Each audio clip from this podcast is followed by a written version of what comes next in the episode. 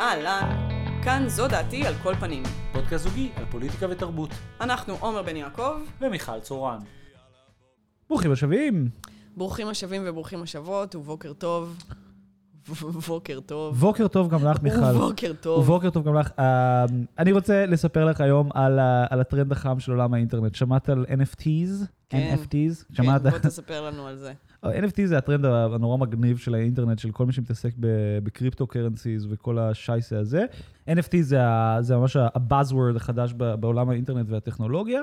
אה, זה סוג של כזה קריפטו, זה סוג של מטבע דיגיטלי, אבל ה-NFTs, בשונה מהמטבע הדיגיטלי, שבאמת יכול לשמש ככסף ויכול להתפרק ל- ליחידות יותר קטנות, כמו הביטקוין שיש לו כאילו מין סנטים, ה-NFTs הם, הם מין מטבע דיגיטלי שלא יכול להפוך למשהו אחר. כן. ולא רק שהוא לא יכול להפוך למשהו אחר, הוא בעצם יכול להישאר אובייקט קבוע.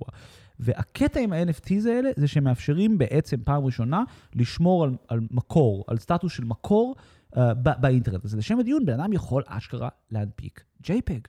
JPEG שיש לו מקור, כלומר, תמונה. ותמונה, כן, זה יכול להיות כל דבר.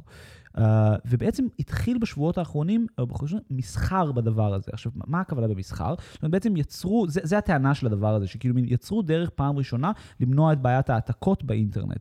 עכשיו, תמיד אתה יכול להוריד את הקובץ, כן? זה לא שאין את הדבר הזה, אבל יש מקור, ואז אתה יכול באמת, נגיד, לעשות ממש זכויות יוצרים. וה, וה, והטכנולוגיה של, של, של הבלוקצ'יין לכאורה נורא מאפשרת את זה. לדוגמה, אני נגיד מנפיק שיר, לקובץ אודיו הזה יש איזשהו, כאילו זה טוקן, non-fungible token, שזה אומר שזה לא בר המרה. שזה הראשי תיבות של NFT. כן, NFT זה non-fungible token, fungible באנגלית זה פשוט uh, חליפי. כאילו זה, זאת אומרת, אז נגיד מהמם. ביטקוין הוא fungible token, כי אפשר להחליף אותו בדולר, אפשר לעשות איזשהו שער, ו-non-fungible אומר שאי אפשר להחליף את זה. אפשר לקנות את זה בעזרת מטבע אחר, ומשתמשים במטבע אחר מביטקוין, מטבע שנקרא את'יריום. וה-non-fungible token בעצם, אתה יכול לקחת שיר שלך, נגיד, להפוך אותו ל-NFT, זה הזהות של הדבר הזה, ועכשיו נגיד, כל פעם שמישהו משתמש בזה, כן, אתה יכול להגיד לקבל תמלוגים, ישירות. אתה יכול להבנות את כל הדבר הזה לתוך, לתוך הקובץ באיזו הוא צורה גם מקורית. יודע כשמישהו משתמש? זאת אומרת, הוא מאותת לך, או שזה... אוקיי, אז, אז פה נכנס באמת, זה, זה, פה זה, אני, זה נורא לא מעניין בעיניי כל הטכנולוגיה מאחורי או כל המנגנון, אבל יש market placeים. זאת אומרת, בעצם יש טכנולוגיה שנקראת הבלוקצ'יין, יש כל מיני chains, הזה של את'יריום מאפשר את ה-non-fungible tokens, כן, זה, זה מנגנון ספציפי בתוכו, ויש כל מיני market placeים. השתי שימושים העיקריים של זה כיום. לא, אבל אני שואלת, האם את- אתה תדע אם השתמשתי אז, בשיר אז, שלך? לא, זה מה שאני מסביר. אז, אז יש כרגע שתי סוגים של market place־ים של זה, ו, ולכן הדברים בתוך ה market place־ים האלה, כן, יש עליהם איזשהו סוג של מין דבר כזה. זאת אומרת, לשם הדיון נגיד אומנות. אז יש עכשיו טרנד, זה נורא מצחיק, שאנשים, אשכרה אומני JPEG, אומני כאילו אינטרנט. אינטרנט של אומנות דיגיטלית, ויש גם אשכרה מין אה, אה, אנשים שקונים ממים, כאילו זה גם תופעה שהתחילה, אנשים שממש קונים את המם המקורי של משהו, כן? ובתוך העולם הזה, אז יש כבר מין market place־ים של אומנות, כן? ואז אם נגיד, אני קניתי את העבודת האומנות שלך ואני מוכר אותה למישהו, אז אוטומטית בשלב המכירה את מקבלת נגיד 5 או 10 אחוז, כמו, ב- כמו, כמו גלריה, אבל בשונה כן, ממה שאתה... בשלב המכירה, אבל השאלה היא אם מישהו ישתמש בזה בצורה לא חוקית. אבל זה בדיוק העניין שאי אפשר להשתמש בזה בצורה לא חוקית, כי כל מה שבתוך הבלוקצ'יין הוא, הוא שקוף וזה, זה בדיוק העניין. זאת אומרת, הקובץ הזה לא יכול לעבור, ברור שאתה יכול לעשות צילום מסך, אבל הקובץ עצמו לא יכול לעבור בלי שזה רשום בתוך, ה, בתוך הלג'ר, בתוך הבלוקצ'יין הזה, ולכן תמיד יש מעקב. ומה שהטכנולוגיות של ה market place יודעות לעשות, זה בדיוק נגיד לייצר מנגנון של זכויות יוצרים. עכשיו, תחשבי נגיד, בוא נשווה את זה למצב היום, כן? את מעלה שיר לספוטיפיי, את צריכה להסדיר את הסטטוס מול ספוטיפיי, מעל איקס קליקים את מקבלת נקודות. פה זה לא זה, זאת אומרת, פה זה ממש מובנה לתוך הדבר הזה, וכל כן. השיח סביב זה, אני קיבלתי על זה pitch השבוע פסיכי, ניסיתי לברר אם יש חברות ישראליות שמתעסקות עם זה, ובן אדם נתן לי את ה pitch כמובן שיש. כמובן שיש. אשכרה רוצים לעשות NFT ציוני, אה, והבן אדם שדיבר איתי על זה אמר לי, אתה צריך להבין, תמיד אנשים של הביטקוין זה הכל שיח מהפכה. אז הוא אומר, זה כן. מהפכה. אמרתי לו, למה זה מהפכה? הוא אמר, תחשוב שעד, ה- ה- כל, כל הרעיון של קניין, כל ההיסטוריה האנושית זה קניין פיזי. קניין רוחני זה בעיה ענקית, נורא קשה לאכוף את זה. הוא אומר, פעם ראשונה הצלחנו למצוא דרך לייצר סטטוס של מקור ו-ownership על... אה, דברים רוחניים. עכשיו, אתן לך דוגמה למשהו שהם רוצים למכור, כן, נגיד מנכ"ל טוויטר מכר את הציוץ הראשון שלו. לא צילום מסך שלו, אלא מכר את, הט... את הציוץ הראשון, מישהו מחזיק בזכויות האלה, והוא יכול לסחור בזה, כן? נגיד לפני כמה שבועות היה אשכרה auction בסוטביז, אמיתי, בסוט... או, בכריס... או בכריסטיז, אני לא זוכר, שמכרו עבודת אומנות של מישהו. זאת אומרת, אני חושב שבקרוב ל-100 אלף דולר. זה בעצם מפגש בין הכלכלה העתיקה של סחר חליפין לבין מניות. זאת אומרת, זה לגמרי. איזה מין יציר כלאיים מאוד מאוד משונה בין שני הדברים האלה, כי מצד אחד זה מניות במובן הזה של אתה קונה את זה ואין מה לעשות עם זה חוץ אה, מלמכור כן, כן, את זה זה רק- הלאה. זה רק fungible, זה רק בשביל ההמרה. בדיוק, כן. זאת אומרת, זה לא... מצד שני, באמת יש פה משהו שאתה קונה משהו תמורת משהו אחר, ואין להם את אותו ערך. כאילו, כן. אי אפשר להגיע לשוויון ערכי בין שני הדברים. יותר מזה, אני חושב שיש פה גם ניסיון כלכלי לייצר בעצם שוק חדש. שבו נוצר ערך מסוג חדש. זאת אומרת, בעצם אנחנו מכירים מושג של משהו יש ערך, כי נגיד באמת, באמת ערך נובע, לפחות באיזה רמה שיח כלכלית, מזה שיש מחסור ממנו. זאת אומרת, אם יש פיקאסו אחד, כן. אז, אז זה מה ששווה. והם רוצים לעשות את זה על דברים רוחניים, שבו המגבלה היא לא פיזית. עכשיו, אתן לך דוגמה למשהו ש... זאת אומרת, בעצם תחום אחד שמתעסק בזה עכשיו זה אומנות, ותחום שני זה ספורט. ונגיד ה-NBA, זה סיפור אמיתי, וכאילו כנראה גם רוצים לעשות את זה בארץ. ה-NBA ימכור את האשכרה, נגיד, את, את, את, את, את, את, נגיד, את, ה, את הדנק של מייקל ג'ורדן. את תקני את הדנק, זה יהיה שייך לך. לך יש זכויות יוצרים על, ה, על, ה, על הקפיצה, על הג'ורדן איירווק הכי מפורסם בעולם. לך יש זכויות יוצרים, את תקני את הגול של ערן זהבי, הגול יהיה שייך לך. אבל מה המשמעות? זה סתם לשים תג מחיר על דברים אוקיי. שאין עליהם שום... אה, זאת אומרת שאי אפשר, הם לא שכירים. זה סתם להפוך לשכיר משהו שאינו שכיר. אוקיי, אני רוצה לקרוא לך את הפרסומת של ה-NBA. Own the- הבנתי אגב שגם נייקי כבר נכנסו, זאת כן, אומרת, הרבה כן, חברות כן, לגיטימיות כבר נכנסו לעניין. תקשיבי לפרסומת. Own the best moments from NBA history. NBA fans from around the world collecting top shot moments. With, זה מטורף. הם קונים- There's over 200 million dollars of... of, of, of כאילו sport moment merch, את כן. מבינה? עכשיו, עזבי את ה merch, עזבי שאת יכולה לקנות כאילו גרסה דיגיטלית של נגיד איזה jersey. את יכולה לקנות את ה fucking, כאילו, את, ה, את הרגע ההיסטורי. עכשיו, בעולם שהם מדמיינים, יש מסחר של זה, כמו שנגיד baseball cards. אז כמו שיש אנשים שמחליפים baseball cards, את תחליפי גם כן, שערים. זה מאוד כמו בייסבול קארט, וכמו שפעם היה בולים, בדיוק, זה ממש אספנות בולים. זה לשים בתוך מחברת כזאתי, ולאסוף, ולהראות למישהו שהבול הזה שווה אה, עשרת אלפים שקל, וזה שווה ככה, ושזה סתם יושב אצלך במדף. נכון. ו- וכאילו במובן מסוים תמיד היה משהו כזה שאנשים קנו, אה, אה, אה, ש- שהוא לא, לא באמת אה, אה, ברור, מניות. זה ברור. לא, מניות כי זה שכיר וזה שוק. זה כן. שוק מסוים, אבל באמת, טוב, גם אבל גם פה, זה זה שוק. בדיוק העניין, זה גם פה. נכון, אבל זה, זה מעניין כי, אתה יודע, יש עוד דברים כאלה שאנשים קונים, כמו, אתה יודע, יש את העניין הזה של לקנות חמורים. היה איזה, היה רגע שאנשים כן, קנו כן. חמורים באינטרנט, כן, ביד שתיים. אה, ואתה יודע, הם לא קיבלו את החמור, הם פשוט קנו את החמור. או שהיית יכול לקנות פעם כוכבים בחלל. בדיוק, כן. יכולת לקנות אה, חלקה על הירח, וכל כן. מיני קשקושים כאלה, וזה, וזה מדהים שתמיד יהיה... אה, אה, פשוט היום זה, זה, זה, זה, זה נהיה יותר רציני. פעם זה היה כזה מין, הקוריוז הזה, תמיד יש כן. איזה מישהו שמנסה לעשות אה, אה, נכסים ממשהו שלא קיים. כן, ולהגיד, כן. אני אמכור לך את הדברים האלה, אתה יודע, כן, זה, כן. זה כל כך יהודי, כאילו. או, מין- אני מזכיר לי בנייטיז שאנשים היו קונים אתרים, דומיינים, כאילו ממטרה שכאילו יום אחד מישהו ירצה, אני, אני מכיר מישהו שהוא הבעלים של האתר notthenewyorktimes.com. עכשיו, ב-93 זה נראה כמו השקעה כאילו כן. גאונית. כן. ועכשיו, אנשים לא הבינו שפשוט יחליפו את הדוט קום ואז יהיה עוד דוטים, ואז זה לא ישנה כלום. אני, מה, ש, מה, ש, מה שהורג אותי בסיפור הזה, זה uh, כאילו, uh, מה שאני לקחתי מהשיח המרקסיסטי וללמוד מלא מרקס, גם שמאלנים שהם כאילו מין מצביעים חדש וזה, אני לא חושב שאנשים באמת קומוניסטים, אבל אני חושב שהתובנה הכי profound של מרקס היא, היא המטריאליזם מול האידיאליזם. הרעיון הזה שההיסטוריה היא בעצם מטריאלית ופיזית, ו- וכל השקר של כל ההיסטוריה תמיד היה לשכנע אותך שזה משהו אחר. שההיסטוריה היא לא היסטוריה של כלכלה וכסף וכוח, אלא היסטוריה של רעיונות והתפתחות וכל מיני דברים כאלה. ואני חושב שמה שמדהים ברגע הזה של ה-NFTs, זה שאתה מקבל איזה מין, אם אני צריך להסביר לאנשים מה זה אידיאליזם במובן המרקסיסטי, הייתי אומר NFTs. זאת אומרת, זה בעצם הטענה שאומרת שכסף וכוח וחומר הם לא חומר, אלא רעיון. ואפשר לסחור ברעיון הזה. והרעיון הזה שעושים כלכלה שלמה סביב רעיונות, הוא ניסוח כל כך וולגרי של החלום הקפיטליסטי, כי זה בדיוק אותו דבר. זאת אומרת, תמיד הערך, הערך הוא אף פעם לא רק הערך החליפין של משהו, נכון? תמיד משהו שווה גם, לפחות בש- במציאות שלנו, גם בגלל מיתוג וגם בגלל מלא חרא. והיום אתה מקבל כאילו את הזיקוק של זה באיזו צורה שהיא פשוט מדהימה. כאילו, אתה תוכל לקנות את ה thoughts של דיוויד בואי.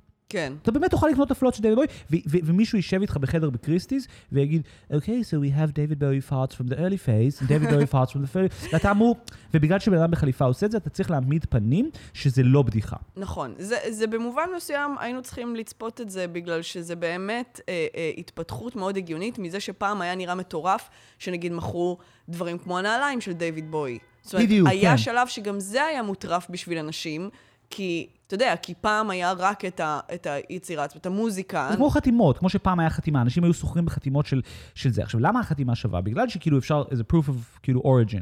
ופה כאילו מין עשו אותו דבר. כן. אבל בזה שעשו אותו דבר, חשפו את השטות. כי היום אנחנו מבינים, נגיד בעידן הסלפיס, כמה מטומטם זה החתימות האלה. נכון. אז זה אותו דבר, זאת אומרת, אז עכשיו אני מקבל אה, אה, אה, קובץ של ערן זהבי שם גול, וזה כאילו קובץ שערן זהבי חתם עליו דיגיטלית.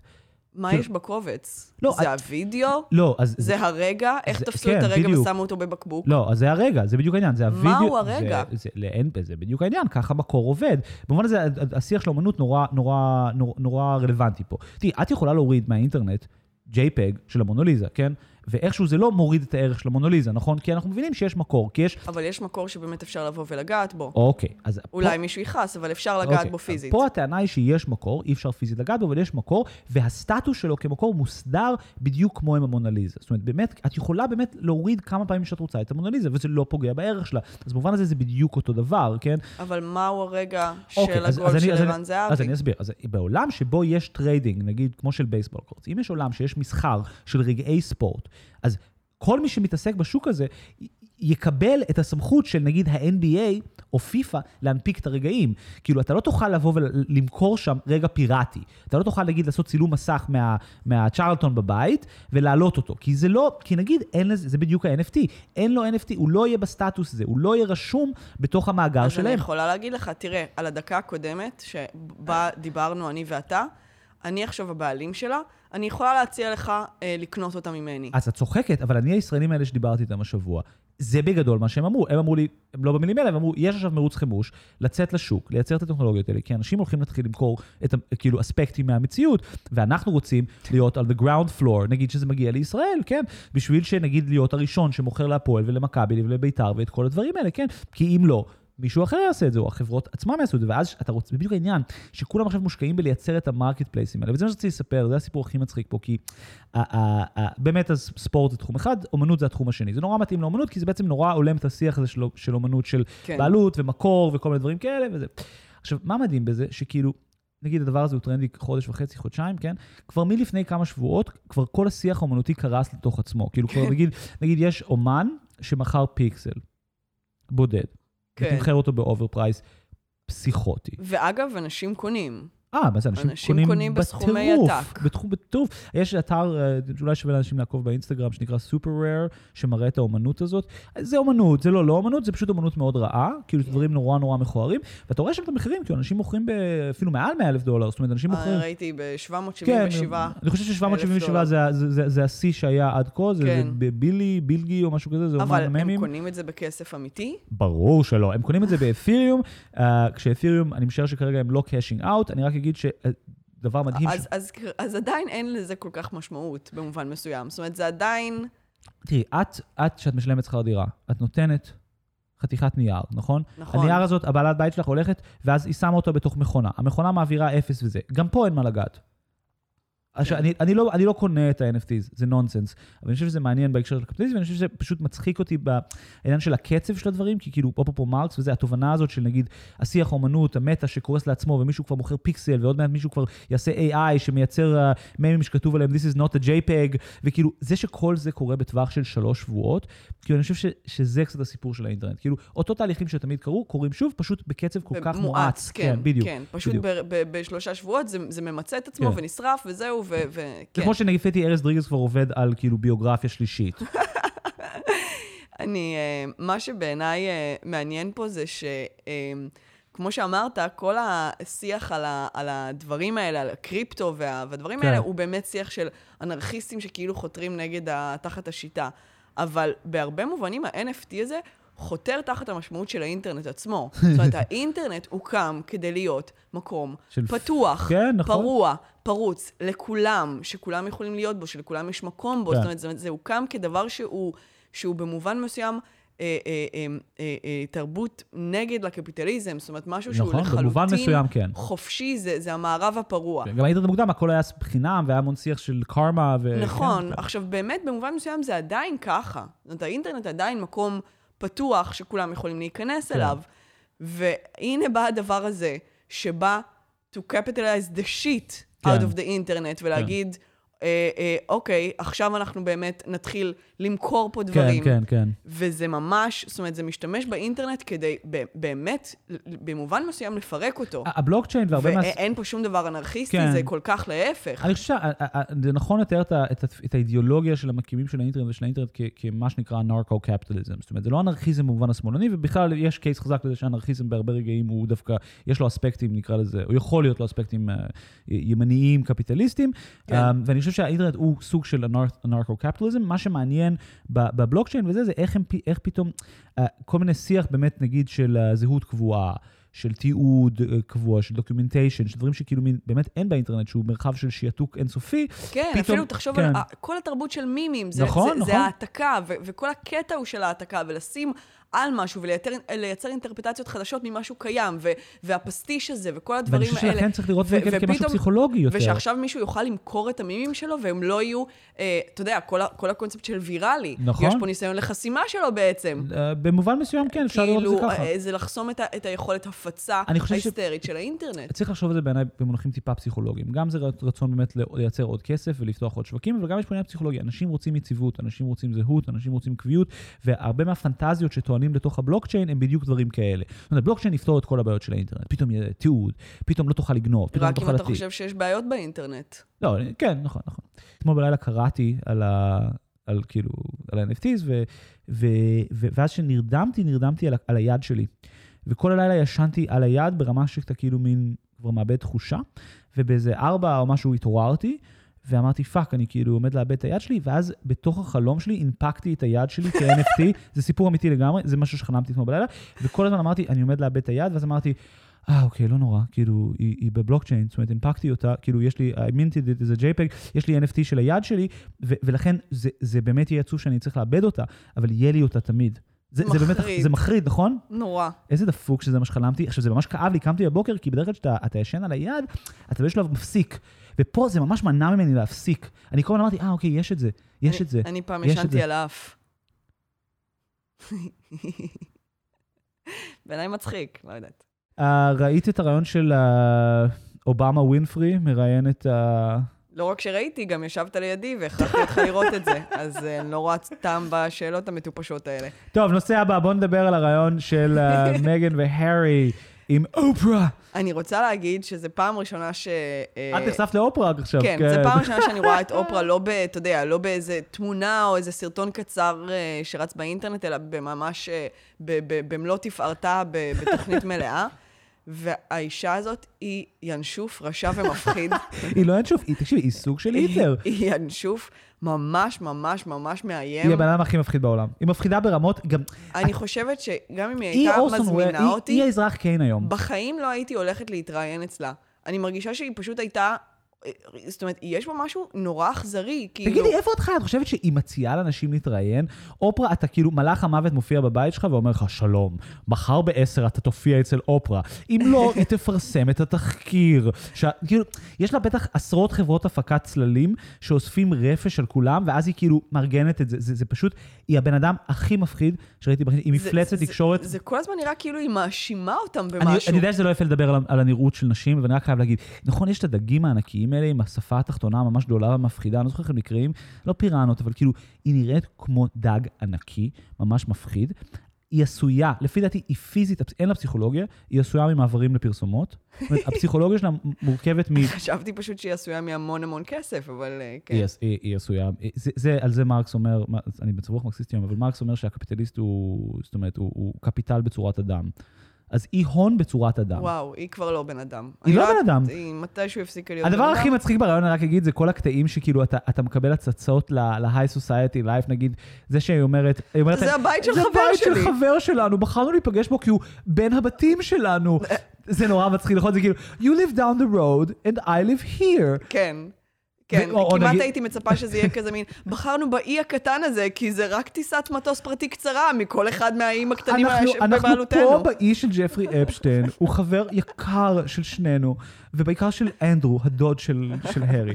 ואנחנו uh, באנו לפה, כי זה באמת נורא קונביניאנט בשבילנו. לא, עוד דבר מדהים זה הקטע שבו היא כאילו, זה גם, זה, זאת אומרת, זה בדיוק העניין, שהיא לא עיתונאית, היא התקשורת בצורת אדם, ואז יש קטע מדהים שהיא מדברת עם מגן, ואז היא אומרת, כן, אני זוכרת שאני והארי, כי אנחנו עובדים על משהו, על מה זה, על התעמרות במקום העבודה, או העצמה, יש להם איזה פרויקט, אה, כן, mental health. מסתבר שאופרה עובדת עם הארי על משהו. כן, הרי הבתי האנשים האלה הם כל מה שהם הם passionate, נכון? אין להם עבודות, they're passionate about causes, אז הם נורא passionate לגבי כן. mental health, ואופרה, בגלל שהיא passionate about הלבנת הון והחזרי מס, אז היא נורא passionate לגבי ל- ל- ל- להעביר את הכסף שלה דרך כל מיני tax deductible כן. non-profits, והיא והארי מלבינים הון ביחד ב- בהעצמת mental health. אנחנו רגע לא הסברנו למי שככה יצא לו לא לעקוב ולפספס את הדבר הזה. בעצם אופרה ווינפרי אה, אה, ערכה רעיון של אה, אה, שעתיים. אה, או שלושה חודשים, אנחנו לא יודעים, זאת אומרת, הם עוד נכון. במשא ומתן לגבי המשך הפרקים. הם עדיין אה, מצ- מצלמים את זה, זה עדיין קורה. אה, עדיין יוצאים לפרסומות פעם בשתי דקות. וואו, זה ממש מדהים כמה פרסומות היו שם, וכל שנייה גם אתה מקבל את הסיכום של אופרה. נכון. So, were they racist to you? כן, ואז יש את המעברון המשונה הזה. Did you lie to the queen? פם פם פם פם. עכשיו, אבל זה, כמו ריאליטי, שכאילו מין, השנייה ראית את זה. נכון. זה מדהים. כן. אה, אה, זה כאילו בפרקים הבאים, ואז אה, רגע, Previously on Oprah, 20 seconds ago, ואתה כאילו מין, when we come back from the break, we'll talk more with Oprah. זה כאילו, זה, זה באמת מדהים, ו, והיא באמת מראיינת, במובן הזה כל הפ... אז, אז, אז הרעיון מחולק לשתי חלקים, החלק הראשון זה... רגע, עוד לא הסברנו מה, מה קרה.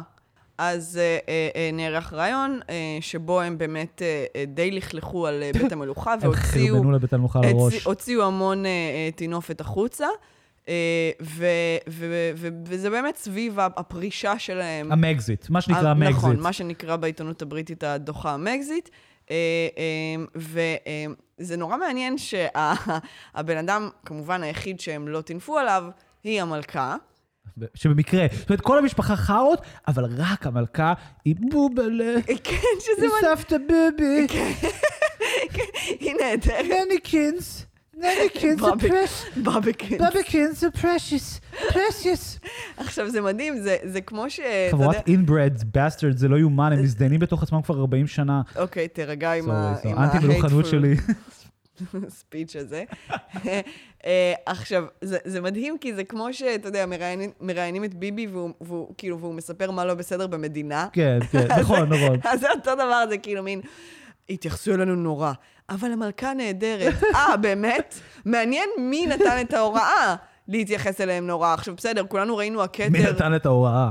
כולנו ראינו את הכתר, וכאילו היה שם וייב של היא לא מחליטה, וזה הפרוטוקול, והיא לא יכולה להילחם ב- בדבר הזה, אבל, אבל נראה לי שהיום כבר היא די אה, אה, הבן אדם ש, שנותן את הטון בעניין הזה, והיא לגמרי יכלה... לא נראה לי שהיא לא קשורה נגיד להחלטה לנתק אותם כלכלית, או לא לתת להם security. security. הכל שם היה על לתת או לא לתת security כן, זה בעצם לילד הסיפור. שלהם, הם, הם, ארצ'י. הם בעצם, יש עניין עם זה שהילד חום, או שבאופן כללי נגמר הכסף, וכאילו הודיעו להם באיזשהו שלב שהם לא יוכלו לקבל את הטייטלים ולא יוכלו לקבל אבטחה, ועל הדרך, או לפני או אחרי, לא כך ברור, הם בעצם הודיעו שהם עוברים מה, מה, מה, מה, מהנבחרת לספסל. הם עוברים לתוך נטפליקס, שמעתי. ב- בדיוק. פשוט עברו לתוך, זה, זה לא לגור. בנטפליקס. זה טוב, אנחנו נדבר על זה גם. זה מדהים שאיך האנשים האלה, זאת אומרת, איך באמת, כאילו, כשנחשף המקום הזה שבאמת הם לא עובדים, הם לא תופסים את עבודה כמשהו שהוא חלק מרכזי מהחיים שלהם, אז בעצם האלטרנטיבה היא לעשות storytelling. זאת אומרת, הם בעצם עברו לאמריקה, אה, טיילר פרי נתן להם fucking בית עם אבטחה, ואז הם עשו את מה ש...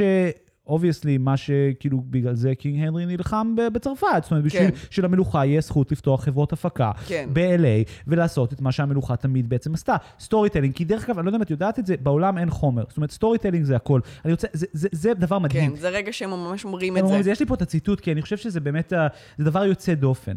Um, um, everything in life is a story. והיא אומרת את זה, מגן. ועכשיו, אתה, אתה, אתה אומר, זה, זה, זה באמת דבר מדהים, כי אתה רואה שם באמת קרב מוחות. כאילו, אופרה, שהיא בעצם, במובן מסוים, בן אדם הרבה יותר משמעותי מאובמה, ובן אדם שבאמת יצר את, ה, את המרחב הפוליטי הזה, ו, ו, ויצרה את המון מה...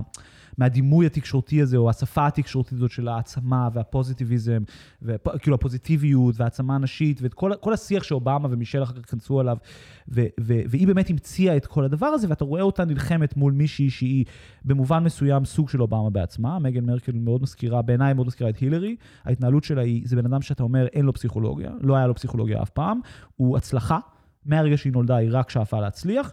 היא, היא מנהלת את הריאיון ברמה שהיא פשוט וירטואוזית. זאת אומרת, כן. היא, היא יוצאת דופן בכישורים שלה, היא אישה כנראה גאונה. אה, ואז מגיע אה, בוביקינס, שאבא ואימא שלו הם אה, בני דודים, אבא, ההורים שלהם גם כן בני דודים, ולפני זה יש שם איזה סבא שהוא סוס, לפי דעתי. עכשיו, הוא באמת טמבל בכל פרמטר, הוא נראה כמו...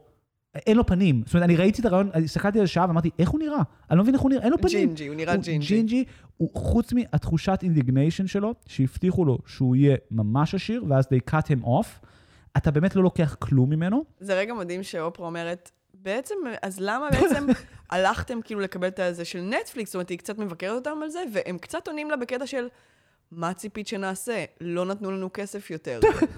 זה היה כזה מין... לא, מגד יש זאת לה... אומרת, הם כאילו תיארו את זה כאילו בעולם יש שתי אופציות. או כן. לקבל המון כסף מהמשפחה שלך, או, או למכור שיט לנטפליקס. כאילו, זה זה ממש... לא, אני חושב שהם חיים בעולם שבו זה האופציות. נכון. מגן, מגן גם יש לה מלא קטעים שהיא כאילו אומרת, כאילו מין, אני אמריקאית, אז אני כאילו מאמינה ב-hard days work. עכשיו, אני, מאמין- אני, מאמין לה, כן? אבל בסופו של דבר אתה אומר, אתם באמת מטורפים, כאילו כל, כל הסיטואציה פה היא פשוט מוטרפת לחלוטין, אתם אינטייטד לגמרי, כאילו יש שם איזה קטע שהם גם ממש, כאילו, היא מסבירה לה לעבור לספסל, מה המשמעות של זה, אז היא אמרה, you know, we were, I thought we just, you know, live on the palace grounds, and whenever the queen would לא, lead us, we'll live in a commonwealth country. והם הציעו, הם הציעו אולי את ניו זילנד, לא, אבל הם אמרו שהם יציעו, אבל על אדמת הפלס, כאילו, זאת אומרת, הם יגורו בטירה של המלכה בקנדה. כן. זה לא שהם ישכרו דירה. לא. לא, אוקיי, ב- בדיוק. זאת אומרת, והם נורא מזועזעים שהאופציה הזאת לא קיימת. עכשיו, אני באמת עצוב בשבילם, זאת אומרת, זה באמת נורא מבאס שנגיד, אתה חושב שאתה גדל נורא נורא עשיר, ואז בסוף ההורים שלך פושטים רגל. נכון, לא הכשירו אותם להתמודד עם העולם, ועכשיו אמרו להם, כן. אה, אה, לכו תת- תסתדרו. ל- לגמרי, לגמרי, לגמרי. מצד שני, יש איזה...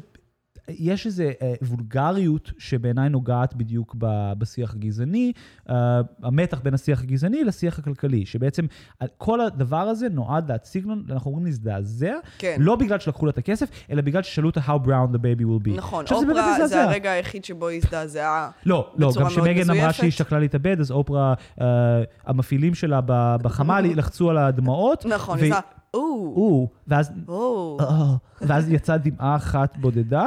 tear. ה tear, זה, זה, זה חצב אה, מסלול נקב בתוך הקייק uh, מייקאפ שלה, ואז בא עבד וספג את זה. נכון. כן. עבד לבן, אגב.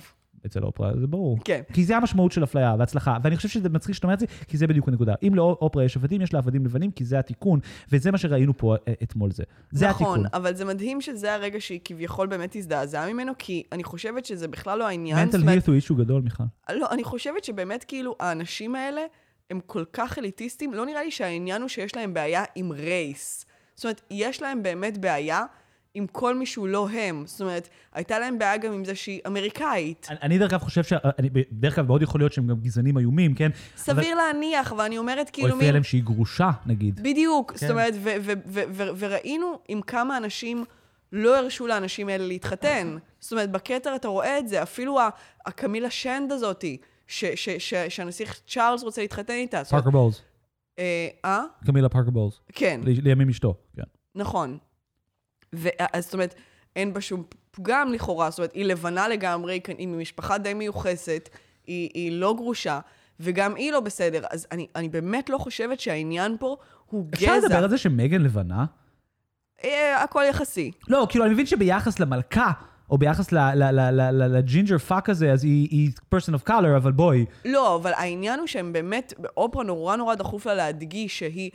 because she's mixed race, because כל, כל דבר היא שואלת, רגע, והאם זה יכול להיות שבגלל שהיא mixed race? לא, זה לא בגלל שהיא mixed race, זה בגלל שהאנשים האלה, כמו שאמרת, הם רוצים ל- ל- להמשיך להזדווג עם עצמם. בטח. וזה זה, זה לא העניין הם של תופסים הגזע. תופסים זה כל שינוי העניין כאיום. שהיא לא שייכת ל- ל- ל- נכון. ל- ל- ל- ל- למסורת ההבסבורגית הזאת של להיות אנשים מאותו פס ייצור, ולהמשיך לשמר את הכוח המועט שעוד יש להם. אה, אה, ושאנשים כמו אופרה והצהובונים הבריטים נותנים לו רוח גבית והיה יכול לגמרי להתבטל אם לא התמיכה של התקשורת, והתשומת לב שהיא נותנת לקשקוש הזה, ואז להזדעזע מזה שיש פה רייס. סליחה, איך את מזדעזעת מזה? האנשים האלה, זה הטיקט שלהם, זה כל מה שהם stands for. אני- האליטיזם המוטרף נכון, הזה, של לגמרי. אנשים מפגרים שלא עשו שום דבר בחיים. אז להגיד, אוי ואבוי, הם דיברו על הצבע של התינוק. אבל זה בדיוק הנקודה, כי השקר הגדול של הרעיון הזה, זה שבמשך שעה מסבירים לך שהמלוכה זה דבר נוראי, דכאני וזה, ואז מסבירים לך שאם מגד מרקל הייתה שם, והיה people of color, אז הכל היה אחלה. בטח. ו- אה, ומתי האמריקאים בעצם נכנסים להתעניין בסיפור? כשיש פה שאלה של גזע. אופרה מראיינת אותם רק בגלל הדבר הזה. זאת אומרת, העניין האמריקאי בסיפור הזה, הוא בעצם נולד כשיש לך ל- את השאלה שמעניינת את האמריקאים, שזה שוב, שזה הגזע. או במילים אחרות, לה, לכל ילדה אמריקאית שעובדת קשה, יש זכות להיות נסיכה. Uh, מגן אומרת באיזשהו שלב שם, היא אומרת uh, שנורא חשוב לה השיח של הייצוג, והיא היא מבינה כמה זה חשוב. If, if, if when people see it, they can believe it. If people see someone like you, they can strive for that as well. ואתה אומר, על מה את פאקינג מדברת? את נסיכה, התחתנת עם נסיך, אין שום עולם שבו זה מסלול שבן אדם יכול לקרות פה. ואת הרגע הסברת לי בעצמך כמה חרא כל הדבר הזה, כמה זה סגור, the institution, the firm וזה. למה אני צריך להעמיד פנים שאם את שם, שאם המלכה נגיד לא גזענית כלפייך, אז איכשהו זה הופך את זה שהיא לא עבדה יום בחיים שלה לבסדר. זה לא. אגב, גם שם... אה, זה אה, בדיוק מה שאני גם- רוצה- גם- גם לשם חלחל השיח של אה, המקום עבודה ה- אה, המתעלל. ברור, זה, זה נכון, זה בדיוק העניין. לפחות מגן מדברת על יוניון, היא אומרת, במקום העבודה הקודם שלי היה לי יוניון, פה לא היה לי, אז דווקא אהבתי את זה. אבל, אבל, אבל זה מתחבר למה שנקרא ל-boardroom diversity הזה. זאת אומרת, אין בעיה עם הקפיטליזם, זאת אומרת, אין בעיה עם זה שיש מערכת כלכלית נצלנית.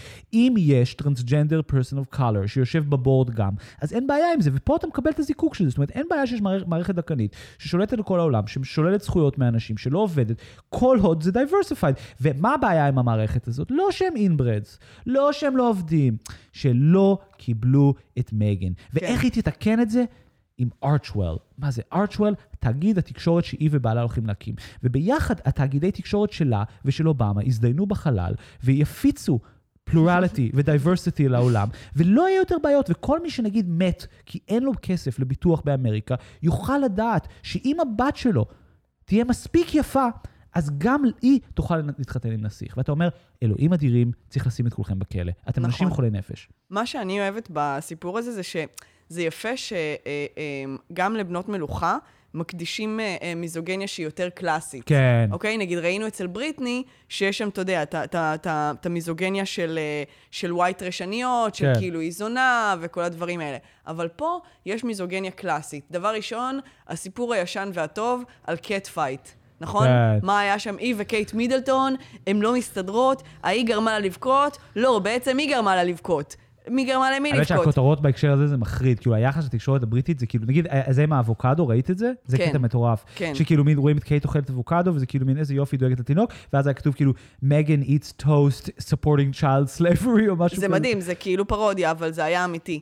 אז, אז גם במובן הזה, זאת אומרת, היא, היא זוכה ל, ל, לסיפורים באמת כאילו, אתה יודע, זה קלאסיקה ששמורה לנסיכות, באמת מיזוגניה עתיקה ו, ו, ו, ומעודנת של... למרות שאני מזכיר שראו את אה, קייט התחת. היה עפה אז הרוח, וראו שהיא עם חוטיני, וראו את התחת, וכל הממלכה סערה בגלל זה. כן. אבל uh, בסדר, אבל, אבל אני מדברת על, על, על הסיפור שתפרו להם, כן. על שתי נשים שכאילו רבות וכביכול לא מסתדרות. ו- על ו- ה-flower arrangements, הן רבות על הסידורי פרחים. כן, שזה באמת... אה, אמ, זה מה שחשוב לנשים, רק שתדעי לך. פרחים. וגם העניין הזה שהיא מתוארת כאיזה מין מכשפה, ש blindsided the queen, ותחמנה וזממה, וכל המהלך היה, היה תפור, ואז היא שכנעה את הארי, כן? היא כאילו כישפה כן. אותו. היא, היא באמת לא מזהה נכון איזה עוול עשו לה. נכון. העוול שעשו לה הוא שוב עוול מיזוגני של להאשים כן, כן. אישה בכל התחלואים שהיא מכניסה למקום שהיא באה אליו, בלהמיר את הבעל שלה לאיזה משהו זה, בלהסתכסך עם, ה, עם, ה, עם הגוד גרל ו- ולהרוס ולקלקל כן. ולתכך תככים. וזה משהו שבאמת עשו לה. ולא העניין הזה, וזה משהו אגב שכן באמת קורה במשפחות, וב- ובמובן הזה כמשפחה התנהגו אל, אליה רע. אבל, אבל באמת, העניין של הגזע והעניין של באמת להסתכל על המשפחה הזאת כמו מה שהיא ולהבין שככה הם פועלים וזה אכן חברה. אבל זה בדיוק ההונאה פה, כי בסופו של דבר אתה אומר, וואו, אם רק היה לה דרך לדעת, זה כאילו מין, מישהו אולי צריך לעשות סדרה או לכתוב היסטוריה. אה, אה, אוקיי, יש את כל המידע הזה? שנייה, לא הבנתי. אותו דבר קרה לאבא שלו, ואז כאילו, זה מה שמדהים בהרי, ובגלל זה אני חושב שהוא באמת אה, דמות... אה, הוא באמת יש בו משהו קצת עלוב, כי א' כל האספקט הפרוידיאני פה הוא פשוט בלתי ניתן לתיאור, כאילו טוב שהוא לא אומר כאילו התחתנתי עם אימא שלי, היא נורא מזכירה את אימא שלי, זה בדיוק כמו, כמו שקרה עם אימא שלי, היא לובשת בגדים של אימא שלי עכשיו, ואז באיזשהו שלב בריאיון הוא אומר, אתם יודעים זה נורא מעניין, זה קרה לאימא שלי. זה, זה, זה, במובן הזה זה באמת מדהים ההונאה העצמית של האנשים האלה, ובמובן הזה אני באמת חושב שהוא באמת, אה, הוא טמבל ברמה באמת מאוד מאוד קשה, ויכול להיות שלאורך זמן, ה inbreeding הזה יש לו מחיר. זאת אומרת, זו תופעה אמיתית, זאת אומרת, זה לא סתם. כן, המלכה היא כנראה הבן אדם החכם האחרון בשושלת. בדיוק. אה, אני חושב שאנחנו עושים עבודה מאוד יפה על לא לדבר על הבחירות. מאוד גאה בעצמנו, ולכן אני רוצה... נכון. האמת שכל פרק אנחנו כן. לא מדברים על הבחירות. אנחנו כן. ממש מצליחים באופן עקבי לא לדבר על הבחירות. למעשה, תמיד הנושא הסמוי הוא לא בחירות. בדיוק. ולפני שאנחנו מגיעים לנושא הבא, שהוא הוא לא לא הבחירות, בחירות. אני רוצה לשאול אותך אם שמעת את הפרסומת החדשה לספר של שאול אולמרט? כן, אנחנו, זה רק אנחנו האנשים היחידים בעולם ששומעים רדיו, אני מרגישה, אז אני לא בטוחה שכולם אה, מכירים, אבל... לי אה, יש, אני הרבה שנים נורא אוהב את הפרסומות, בר... לא רק כי פרסום ברדיו עובד, אני אוהב את הפרסומות לספרים, כי זה חמוד בעיניי שמפרסמים ספרים, ואני גם, זה הדרך אה, למי שמתעניין, כאילו אני לא מתעניין בספרות, אבל מעניין אותי לדעת מה קורה בשוק הספרות, אז אני מבין שכל מה שאני שומע פרסומת, אני מגלה על עוד uh, הוצאת ספרים שהתאחדה עם כנרת זמור אב ביטן. זאת אומרת, זה כבר שליש מהפרסומת, דביר, עם עובד, איחוד, מאוחד, ואתה כאילו מין, אה. זה, זה אותו הוצאה? זה כאילו מקף, מקף, מקף. אז תמיד אני אהבתי את הדבר הזה, אבל הפרסומת של, של הספר החדש של שאול אולמרט היא דבר יוצא דופן. כי תמיד הפרסומות האלה הם נורא מצחיקים. תמיד זה כאילו, שושנת קהיר, רומן מרגש על טייס מיגים שנופל בשבי, ועושה אהבה עם כלב ים בסיני. ואתה כאילו מין, מה? מה שמעתי עכשיו? ואז כאילו מין, אתה לא בטוח שמעת, ואז הם חוזרים על זה שוב. אהבה בקהיר. נכון, זה תמיד חוזרים על זה. עכשיו, השאול אולמרט הזה, אני שמעתי כמה פעמים, זה obviously הבן של, כן?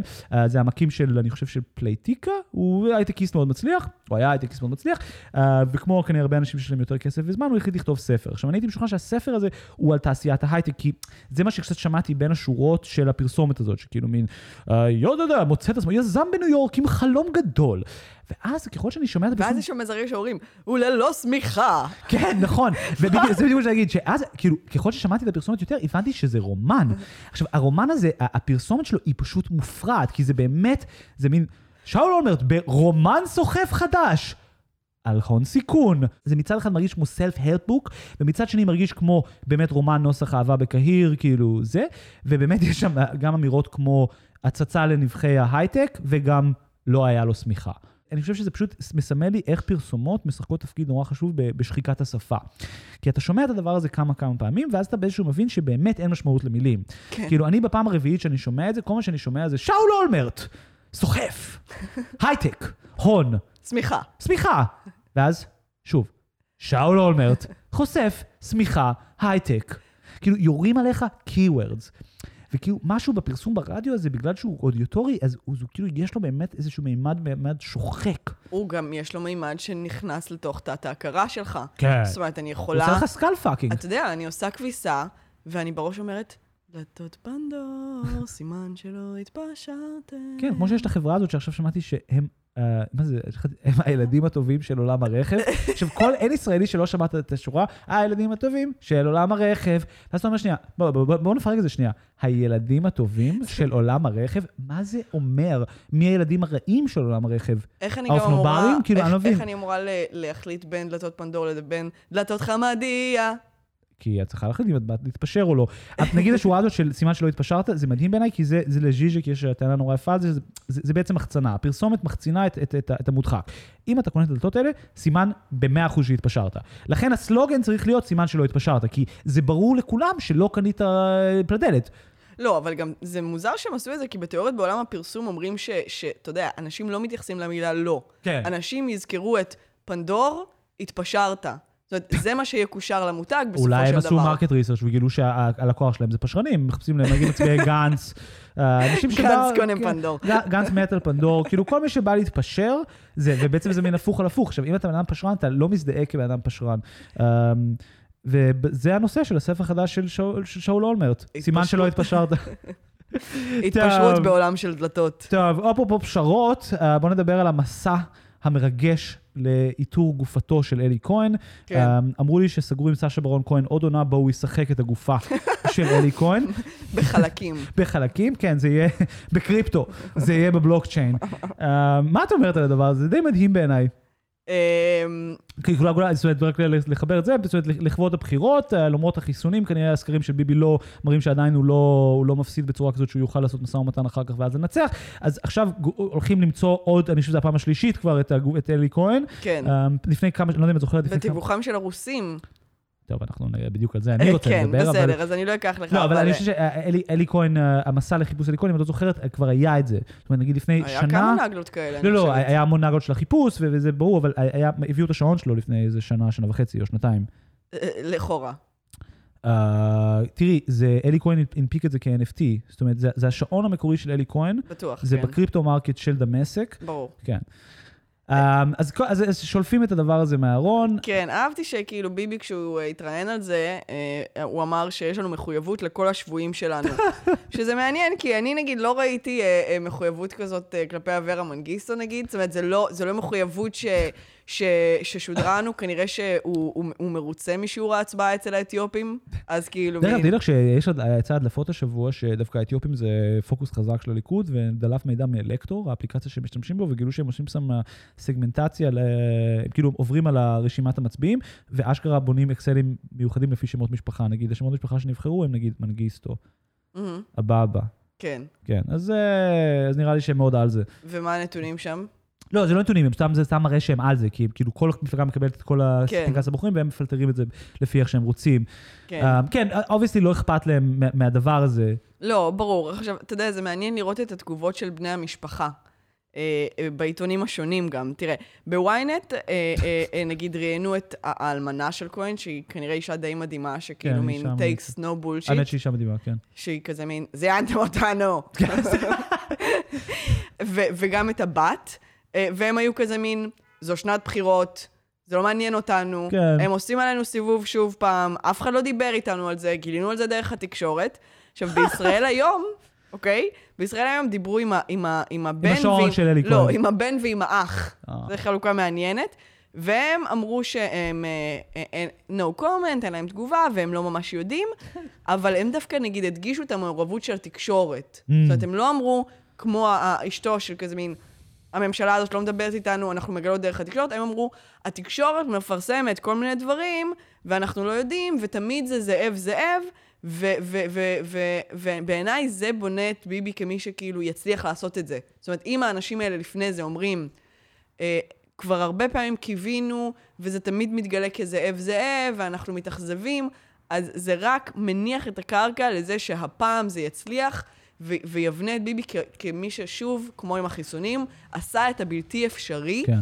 וסוף סוף הצליח להחזיר את, אה, את אלי כהן. אבל מה זה להחזיר את אלי כהן? יש פה, א' כל הפטישיזם אה, אה, לישראל לגופות הוא פסיכי. מזעזע, זה באמת- נקרופיליה אבל אנחנו כבר איומה. בשלב לגופים. זאת אומרת, זה ברור שאם יש משהו מאלי כהן, מה שנשאר זה השקית זבל שגררו את הגופה שלו, כן. וימצאו DNA על השקית זבל הזאת, או במקרה הטוב זה יהיה נעליים. אז זה, זה ברמה הראשונה. מה שמדהים אותי זה ה- ה- המלאי האינסופי. אה, של אירועים כאלה שביבי מצליח לייצר בעזרת הרוסים. זאת אומרת, בוא, כן. בוא ניקח שתי בחירות, של, ארבע, שלוש בחירות אחורה. זאת אומרת, בבחירות השניות היה לנו את נעמה יששכר, כן? עכשיו, אני עובד הרבה זמן על תחקיר על נעמה יששכר, אני לא, לא אכנס עכשיו לפרטים, אבל מיותר לציין שנקרא לזה, המקום הרוסי של זה היה ענקי, ו- ו- ובדיעבד, גם זה שהרוסים בעצם חטפו אותה, אה, וגם זה שבעצם הרוסים שחררו אותה, היה בעצם קשור לבחירות, מא' עד ת'. זאת אומרת, היא נעצרה בשביל שיהיה אפשר להפעיל לחץ על ביבי לשחרר את ההאקר, בגלל שזה בחירות, ואז ברגע שזה לא יסתדר, אז זה בעצם הפך להיות פשוט PR win בשביל ביבי, ונתנו לו מתנה, ואז ביבי כאילו מין הצליח לשחרר את נעמה, כי הוא חבר של פוטין. אחרי זה היה לנו את, את, את באומל, את זוכרת את זה? החייל שגם הביאו את הגופה שלו. כן, שביבי בדיבורים שלו על אלי כהן, אה, ממש דואג להזכיר את הדבר הזה. אה, בטח. ודואג להזכיר שבגלל הקשרים הנהדרים שיש לו עם פוטין, אז הרוסים עוזרים לנו בזה. בדיוק. לפני כמה שבועות היה לנו, אנחנו בחיפוש. זוכרים, הבחורה הישראלית, האישה הישראלית שחצה את הגבול, גם הרוסים מתווכים. ועכשיו אנחנו אלי כהן. אני רק רוצה להגיד שאני מאוד שמח שזה אלי כהן, כי אני כבר פחדתי שביבי ייסע לאמריקה, ישלח את המוסד לעצור את נעמה יששכר, יטיס אותה לרוסיה, ישתול עליה קוקאין, רק בשביל שהוא יוכל לשחרר אותה עוד פעם. אז אני שמח שלפחות אנחנו מתעסקים בגופה, ואין בן אדם אמיתי שצריך לסבול את החרא הזה, אבל אני חושב שיש פה משהו מאוד מאוד בעייתי, כי, כי אני עוקב אחרי תקשורת רוסית, בגלל שאני כותב על דיסאינפורמציה, ואני קצת ראיתי את זה בה, אני חייב להגיד את האמת, כי יפתיע אותך לדעת שלפני חודש RT, ה- השופר הראשי של פוטין, במקרה יצא בשתי דוקואים על אלי כהן. כן. כן, שעתיים, feature. ולפני כמה שבועות היה איזה דיווח על זה. ואני חושב שזה מעניין, כי אני חושב שהרבה מהשיח על ה fake news והזה, אנחנו, אנחנו לא מבינים שזה אף פעם לא really fake. זה בדיוק היכולת לייצר אקו סיסטמים כאלה. ובמובן הזה, ביבי, כמו שהוא יוצר אקו סיסטם גדול, שבו יש, אה, נקרא לזה נגיד, השיח על החיסונים, הכל זה לטובתו, גם זה חלק מהאקו סיסטם הזה. גם שהרוסים דוחפים את הדברים האלה החוצה ובונים את הקרקע, זה בדיוק במובן הזה אולי מה שהבן והאח אמרו, שיש כאילו התקשורת מפרסמת, זה בדיוק העניין. התמורות הן ברמת התקשורת, כן? והיכולת של ביבי למנף או להיעזר בדיסאינפורמציה רוסית בשביל זה, זה באמת דבר יוצא דופן. זאת אומרת, את למדת השבוע שישראל מחפשת את אלי כהן, ולפני חודש וחצי, RT הוציא דוקו על זה. על פניו זה לא קשור. מצד שני, זאת אומרת, זה ברור, זאת אומרת, כן. זה ברור. עכשיו, איך אני, מה, אני אגיד שנתן אשל תיאם איתם? ברור שהוא לא תיאם איתם. אבל זה בדיוק העניין. יש אקו סיסטם שלם של שקרים פופוליסטים שעוזרים אחד לשני. וזה יכולת לנצל הזדמנויות כשהן קורות כל ולכופף. הזמן, כל כן? הזמן, וגם אלוהים יודע מה הרוסים מקבלים בתמורה לזה, כן? באמת אלוהים יודע. כן. בוא נגיד שאני לא חושב שנגיד עם, אה, מה שהיה אז עם, הבחורה הזאת, שנתנו לסוריה חיסונים ולרוסיה מיליון דולר, אני קצת לא חושב שזה מה שהם באמת רצו. ו- ו- ויש בזה משהו באמת אה, בעיניי מאוד מאוד מפחיד, אבל אני גם רוצה להגיד משהו בהקשר של, ה- של החיסונים, כי אני חושב שמאוד מאוד חשוב לזכור, ועכשיו בבחירות זה הזמן שאנשים תמיד שוכחים את זה. ביבי הוא לא איש ימין. אין משמעות לשמאל ימין בישראל בכלל, ביבי הוא פופוליסט, פופוליזם היא עמדה פוליטית שלמה, אפשר לאפיין אותה, היא לא, זה לא סתם אמירה כללית, והפופוליזם הזה לוקח הרבה צורות. לפעמים, נגיד, הוא לוקח צורה של ערבים נוהרים לקלפיות, והסתה פרועה נגד מיעוט. לפעמים הוא לוקח גם טוויסט מגניב, שזה בוא נחסן את כולם. ובוא נעשה את זה בצורה כזאת שבדיוק כל הכלכלה תיפתח שלוש שבועות לפני, ה, לפני הזה. ולפעמים זה מתממש כ... נקרא לזה פריטה על מיתרים לאומיים, על, על, על, כאילו על דברים רגשיים לאומיים, ואלי כהן וזה. אבל זה הפופוליזם, זה, זה ככה זה נראה, זאת אומרת, זה פשוט זיקוק של התפיסת עולם הזאת. כן. טוב, נראה לי זה היה אנחנו היום. אנחנו שמחים לה, לה, להודיע רק שאנחנו הולכים להנפיק את הפרק הראשון ב-NFT. uh, אני מוכר אותו באת'יריום ב-400 מיליון דולר. אני אה, מוכרת אותו ב-50 אלף בליפ, בליפים. אוקיי? זה, זה מטבע שאני השקתי אתמול. כן, אני מושקע אה, ב... ומחר הוא הולך לקרוס, והיום אני משיקה את כל הנכסים הרוחניים שלי כן. בבליפים. כן, אז האמת שאני... כולם מוזמנים. ומי שרוצה, אני עושה שורט על בליפים עכשיו, אה, באת'יריום. זה נתראה. יאללה, אנחנו היינו זו דעתי על כל פנים, נתראה בפרק הבא, ברקע, לילי פרנקו, קר לי בלב, להתראות. ביי. קר, קר, קר לי בלב.